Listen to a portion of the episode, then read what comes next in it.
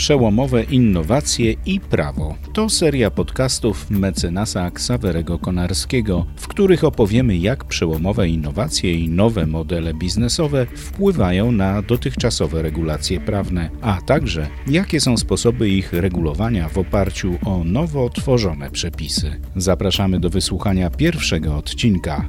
Sprawnie o internecie rzeczy.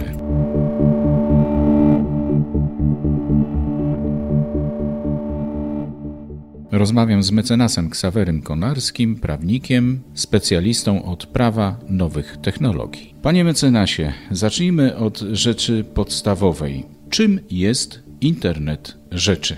Istotą internetu rzeczy jest połączenie świata do tej pory nieżywych obiektów i sieci internet, tak stąd ta nazwa internet rzeczy. Do tej pory e, obiekty, przedmioty, e, rzeczy, e, których korzystaliśmy w naszej działalności jako konsumenci, jako przedsiębiorcy, same z siebie nie generowały informacji. Musieliśmy je obserwować po to, żeby te informacje, na przykład chodzi o środki transportu, zaobserwować e, i zoptymalizować różne nasze e, procesy, na przykład procesy biznesowe. To, co e, przełomowego i co się wydarzyło jakieś dwadzieścia kilka lat temu, to wyposażenie martwych przedmiotów w technologię która, i czujniki, które pozwalają generować, gromadzić im informacje i następnie przesyłać automatycznie do człowieka albo do innych maszyn. Dzięki temu e, możemy optymalizować, nie lubię tego słowa, ale ono dobrze oddaje istotę korzystania z internetu rzeczy. Możemy optymalizować szereg procesów, udoskonalać je w sposób zautomatyzowany, bez e, udziału człowieka. E, to te przedmioty e, same przez się pomagają nam, przesyłając te informacje, analizując je, podjąć nam właściwe decyzje, a są to decyzje, które dotyczą całego naszego życia, również jako konsumenta. Niewątpliwie mówimy o przełomowym rozwiązaniu, jeśli chodzi o internet rzeczy, a jakie ma to przełomowe rozwiązanie zastosowanie i na czym ta przełomowość właściwie polega? Zastosowań jest wiele. Ja bardzo lubię raport Instytutu Sobieskiego, polski raport Instytutu Sobieskiego z 2018 roku, który wskazał aż 15 podstawowych dziedzin naszego życia, w którym internet rzeczy znajduje zastosowanie. Tym, co pewnie nam najbliższe, to są różne e, kwestie czegoś, co z angielska jest określane jako domotyka, czyli zastosowanie urządzeń, e, rozwiązań internetu rzeczy w naszych domach, w naszych gospodarstwach domowych. Każdy z nas powoli przyzwyczaja się do tego, że nasze mm, piekarniki, nasza żarówka, e, nasza brama, nasze okna zaczynają podejmować automatycznie automatyczne decyzje dzięki temu, że e, mają jakieś czujniki, które reagują na różne informacje przez nich zbierane. Więc na pewno coś, co jest określane jako smart domy, bo takie sformułowanie inteligentne domy już funkcjonuje, jest tym, czym się najczęściej spotykamy. Ale myślę, że wielu z nas spotyka się, szczególnie osoby aktywne, sportowo spotyka się z internetem rzeczy, jest duże, coraz częstsze zastosowanie poprzez różnego rodzaju urządzenia, które nosimy na sobie, które liczą nasze kroki, spalane kalorie, e, czy inne funkcje e, życiowe. Więc to, jest, to, to też jest duży, duży zakres zastosowań. A jakie znaczenie internet rzeczy będzie miał dla osób fizycznych w przyszłości? Internet rzeczy już jest wykorzystywany celu zwiększenia naszego bezpieczeństwa. To może paradoks, bo się uważa, że internet rzeczy y, ma dla nas jakieś zagrożenia, jeżeli chodzi o bezpieczeństwo naszych danych, ale chodzi o bezpieczeństwo tego, w którym miejscu jesteśmy. Przecież wiemy, że rodzice wielokrotnie sprawdzają, dzięki temu mogą mieć informacje, gdzie są ich y, dzieci. To jest bardzo taki podstawowy przykład zastosowania. Wielką przyszłością, która się wydarza, są inteligentne auta.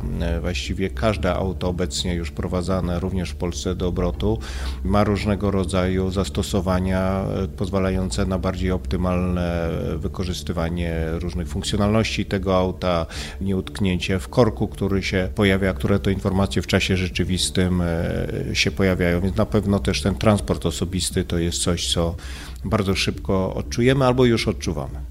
No niewątpliwie y, ważnym aspektem w całym tym zjawisku internetu rzeczy jest ta kwestia prawna. Czy prawo nadąża za innowacjami w nowych technologiach? To jest, nie dotyczy tylko internetu rzeczy, to pytanie jako innowacji. Zawsze e, mamy takie mm, sloganowe określenie, że prawo nie nadąża za innowacjami. Nie jest tak do końca. To znaczy nie jest tworzone prawo, które się nazywa prawem o internecie rzeczy, nikt o tym e, nie myśli. Natomiast te przepisy, które mamy, moim zdaniem są już wystarczające i tutaj na pewno największe znaczenie mają nasze przepisy dotyczące ochrony prywatności naszych danych osobowych. Tak jak powiedziałem, czasem bez naszej wiedzy, albo często niestety bez naszej wiedzy, bardzo dużo informacji jest o nas zgromadzonych. Na przykład nasz zegarek może o nas gromadzić i niewątpliwie e, wykorzystanie tych naszych danych osobowych e, jest czymś, co jest uważane za największą potencjalnie barierę e, prawną w szerszym stosowaniu rozwiązań OIT. Ale podkreślam, to nie prawo o ochronie danych osobowych jest barierą. Barierą jest brak stosowania się przez wielu producentów do tych regulacji prawnych. Prawo nie zabrania korzystania z rozwiązania OIT, również w zakresie przetwarzania danych, tylko trzeba to robić tak, jak to jest opisane w przepisach już istniejących. No tak, ale niemniej jednak no, powstaje taka obawa, że internet rzeczy będzie czy już przetwarza zbyt wiele naszych danych osobowych. To prawda i regulatorzy do spraw ochrony danych osobowych na to zwracają uwagę. To jest wyzwanie, przed którym szczególnie producenci tych e, urządzeń będą musieli e, stanąć. E, to, że dane urządzenie może zbierać dużo danych, nie oznacza, że wolno to z punktu widzenia prawnego. Zawsze trzeba dokonać na etapie tworzenia takiego urządzenia, na etapie tworzenia również aplikacji, która w tym urządzeniu się znajduje, trzeba się zastanowić, czy dla danego celu, na przykład szacowania ryzyka, mówię tu o ubezpieczeniach, potrzebny nam jest taki zakres danych. Internet rzeczy nie zmieni paradygmatu ochrony danych, to znaczy korzystać z tylu danych i tak zakresowo, ile ci są niezbędne. To będzie na pewno wyzwanie dla producentów. To może szerzej, bo właśnie o te wyzwania teraz chciałem zapytać. Jakie obecnie z prawnego punktu widzenia są ryzyka dla e, producentów i użytkowników e, internetu rzeczy? Na pewno bezpieczeństwo. E, ja bardzo lubię zestawianie internetu rzeczy z drugą przełomową już powszechnie stosowaną innowacją, to jest chmurą obliczeniową. W przypadku chmury obliczeniowej, gdzie też się mówi o bezpieczeństwie, sytuacja jest inna. Tam nasze dane znajdują się, są w posiadaniu największych, najlepiej zabezpieczonych e, firm IT. W przypadku internetu rzeczy mamy do czynienia z dużo większymi zagrożeniami, dlatego że te dane są gromadzone u konsumentów na ich e, urządzeniach. W związku z tym konsument w przeciwieństwie do właściciela dużego centrum danych w sposób naturalny jest bardziej zagrożony na przykład na cyberataki. Mówiłem przed chwilą o inteligentnych zegarkach, czy wspomniałem inteligentne zegarki. Tam mają, są bardzo e, dane wrażliwe nasze, wręcz o stanie naszego e, zdrowia zbierane. Te dane e, często w tych urządzeniach prawie, że nie są w ogóle zabezpieczane, mogą zostać przez kogo w sposób dość łatwy wykradzone. Więc bezpieczeństwo urządzeń IoT to jest największe zagrożenie, jeżeli chodzi o, o, o powszechność stosowania tego. A kto jest administratorem tych danych, które krążą w krwiobiegu internetu rzeczy? To bardzo dobre pytanie, dlatego że nie jest to jeden podmiot. To jest też specyfika internetu rzeczy, którą szczególnie prawnicy, regulatorzy powinni sobie uświadomić. Internet rzeczy tak naprawdę to ekosystem szeregu podmiotów, z których każdy dla poszczególnych procesów, sposobu wykorzystania danych może być administratorem. Internet rzeczy to są producenci samych urządzeń, internet rzeczy to są również e, producenci aplikacji, często to są inne podmioty. Internet rzeczy to również podmioty, które przesyłają te dane, na przykład dostawcy e, różnych usług telekomunikacyjnych. I na koniec internet rzeczy to jeszcze inna kategoria podmiotów, czyli podmiotów, które wykorzystują e, te dane na potrzeby różnego rodzaju usług. Na przykład zakład ubezpieczeń, który wykorzystuje e, dane zebrane przy pomocy urządzeń OIT po to, żeby zbadać sposób, to się już w Polsce odbywa, jaki jeździmy autem. To jest odrębny podmiot od producentów, producenta auta od producenta aplikacji, a wykorzystuje te dane. W momencie, kiedy wykorzystuje te dane po to, żeby ocenić e, ryzyko ubezpieczenia naszego komunikacyjnego, staje się administratorem danych. Więc mamy szereg różnych podmiotów, które są administratorami e, danych, no i sztuką jest tutaj przydzielenie ich, im tego statusu dla poszczególnych operacji na danych. To już wiemy ewentualnie do kogo możemy mieć pretensje, jeśli nasze dane, zwłaszcza te wrażliwe, będą niewłaściwie wykorzystywane. Rodzi się właśnie pytanie, na ile my jesteśmy bezpieczni? Czy powinniśmy się bać tego, że te nasze dane gdzieś tam lewitują w tej przestrzeni, cyberprzestrzeni? Nie tylko prawnie, ale w, w naszym życiu y, lęk często jest powiązany z niewiedzą i, i istotą ochrony danych, naszej prywatności jest transparentność e, procesów. I tutaj y, producenci e, aplikacji, producenci urządzeń, podmioty korzystające z rozwiązań internetu rzeczy nie uciekną przed koniecznością e, nie na żądanie, ale defaultowo od razu podawania nam różnego rodzaju informacji.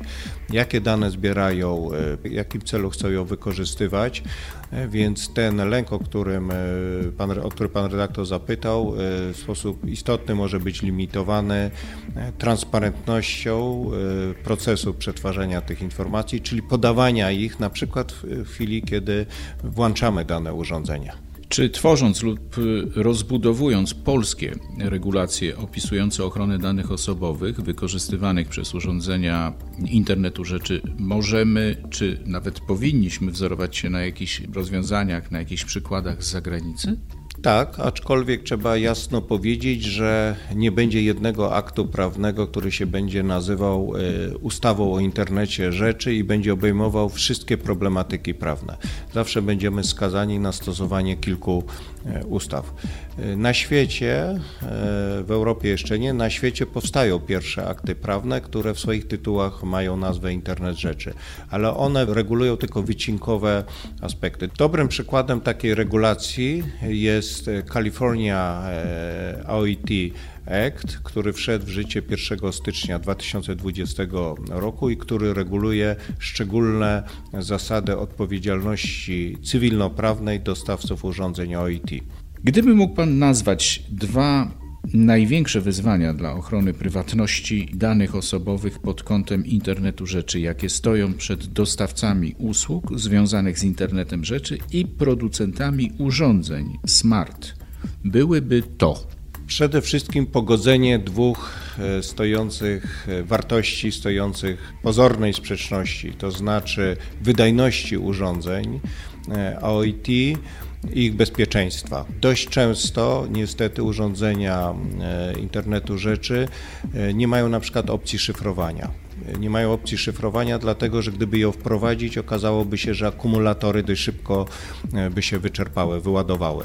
Więc e, z jednej strony producenci chcą dostarczyć urządzenia, które będą ergonomiczne, z drugiej strony e, ergonomia powoduje, że one mogą być mniej bezpieczne, dlatego że każde szyfrowanie, każde zabezpieczenie pochłania trochę energii. To jest na pewno wyzwanie i na pewno w tym kierunku wszyscy pracują, żeby nasze urządzenia były i bezpieczne, i wydajne. Medina. Drugim najistotniejszym wyzwaniem dla dostawców urządzeń OIT e, jest bezpieczeństwo danych. To bezpieczeństwo należy rozumieć również wprowadzanie opcji, które bez naszej wiedzy nie będą automatycznie zbierały danych o nas. To e, jest duże wyzwanie na etapie projektowania tych e, urządzeń. To my, jako posiadacze tych urządzeń, mamy decydować o tym, od kiedy i czy w ogóle dane urządzenie zbiera i przesyła informacje. No tak, ale to jest dodatkowa trudność z kolei dla nas, bo musimy za każdym razem akceptować, że zezwalamy albo nie zezwalamy na publikację naszych danych. Oczywiście, z tym, że my to zezwolenie nie musimy za każdym razem dać. Możemy zdecydować, że do czasów odwołania naszej,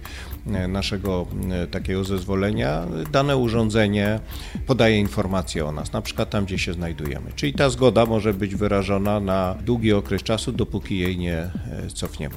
Podsumowując naszą rozmowę, czy w kontekście ochrony danych osobowych i internetu rzeczy możemy czuć się bezpiecznie, czy strach ma wielkie oczy? Możemy się czuć bezpiecznie, bo sama skala internetu rzeczy, mówimy o setkach miliardów urządzeń, które już są podłączone do internetu, wskazuje, że to funkcjonuje. Słyszy się o wyciekach danych, o cyberatakach, natomiast korzyści związane z internetem rzeczy na pewno wielokrotnie przewyższają te ryzyka. To nie oznacza, że regulatorzy nie powinni we współpracy z producentami urządzeń, producentami aplikacji, aplikacji wypracowywać rozwiązania, które jeszcze lepiej nas będą e, chroniły i to się e, odbywa. Na przykład e, poprzez ustalanie wytycznych nakazujących w określony sposób zabezpieczać nasze dane.